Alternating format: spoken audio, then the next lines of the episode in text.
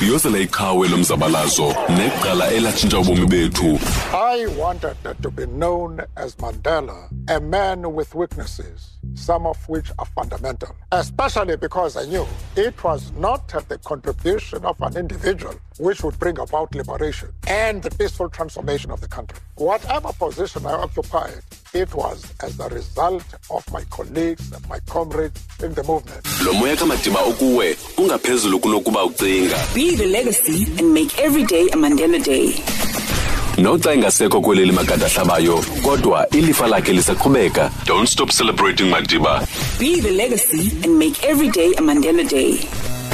Ihlabathi lonke likhumbula umandela ngemisebenzi yakhe emihle nokuzinikela kwakhe ekulweleni inkululeko yeli lizwe itrue fm ithi viva madiba don't stop walking the long road to freedom Be the legacy and make every day a Mandela Day.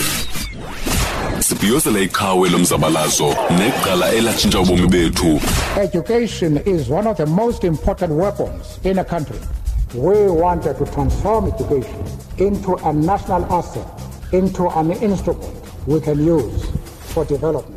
lo moya kamadiba ukuwe ungaphezulu kunokuba ucinga Be the legacy and make every day a Mandela Day. sibhiyozela iqhawe lomzabalazo neqala elatshintsha ubomi bethu The best way to make sure that uh, people divert their attention from crime is for you to start uh, some projects. It doesn't matter how poor you may be, how much you lack education, you can serve your community. lo moya kamadiba ukuwe ungaphezulu kunokuba ucinga Be the legacy and make every day a Mandela Day. sibhiyozela iqhawe lomzabalazo neqala elatshintsha ubomi bethu Ordinary South Africans are determined that the past be known, the better to ensure that it is not repeated. They seek this not out of vengeance, but so that we can move into the future together. It is time for new hands to lift the burdens. It is in your hands now.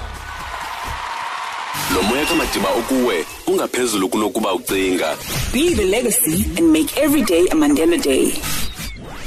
sibhiyozela iqhawe lomzabalazo neqala elatshintsha ubomi bethu You can never have an impact on society if you have not changed yourself. And one of the most important weapons in changing yourself is to recognize that people everywhere in the world want peace. But humility is one of the most important qualities which you must have. If you make people realize that uh, you are no threat to them, then people will embrace you. They will listen to you. lo moya kamadiba ukuwe ungaphezulu kunokuba ucinga Be the legacy and make every day a Mandela Day. From 1918 to 2018, True FM celebrates 100 years of Madiba's legacy.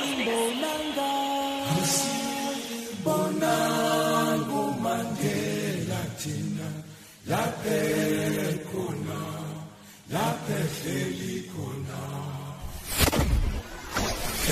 world that remains beset by so much human suffering, poverty, and deprivation. It is in your hands to make of our world a better one for all. It is in your hands to make a difference. We remember the life of Tata Nelson Mandela. Be the legacy and make every day a Mandela Day. It is our belief that the future of our country can only be determined by a body which is democratically elected on a non-racial basis. He has inspired us, united us, and given his life for the betterment of our nation. Be the legacy and make every day a Mandela Day. We have waited too long for our freedom.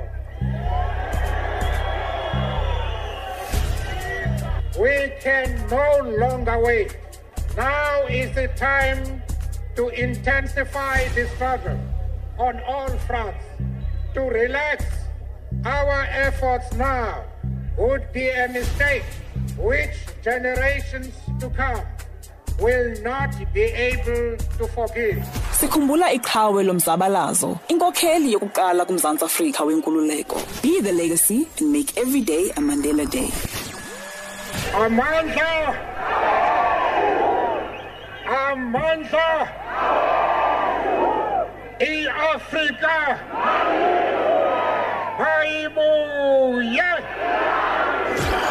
Nelson Mandela was a symbol of resistance to apartheid, hope, freedom, and reconciliation. I have fought against white domination, and I have fought against black domination.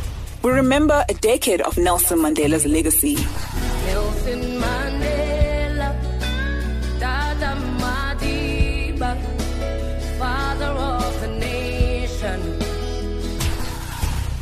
In pursuance of my opening address to Parliament, I am now in a position to announce that Mr. Nelson Mandela will be released at the Victor Verster prison on Sunday, the 11th of February at about 3 p.m. Yesterday evening, I met with Mr. Mandela in Cape Town, together with Ministers Viljoen and Coetzee. During the meeting, Mr. Mandela was informed of the government's decision regarding his release. On the 11th of February 1990, Nelson Mandela was released from prison. After spending 27 years in imprisonment, he began his long walk to freedom.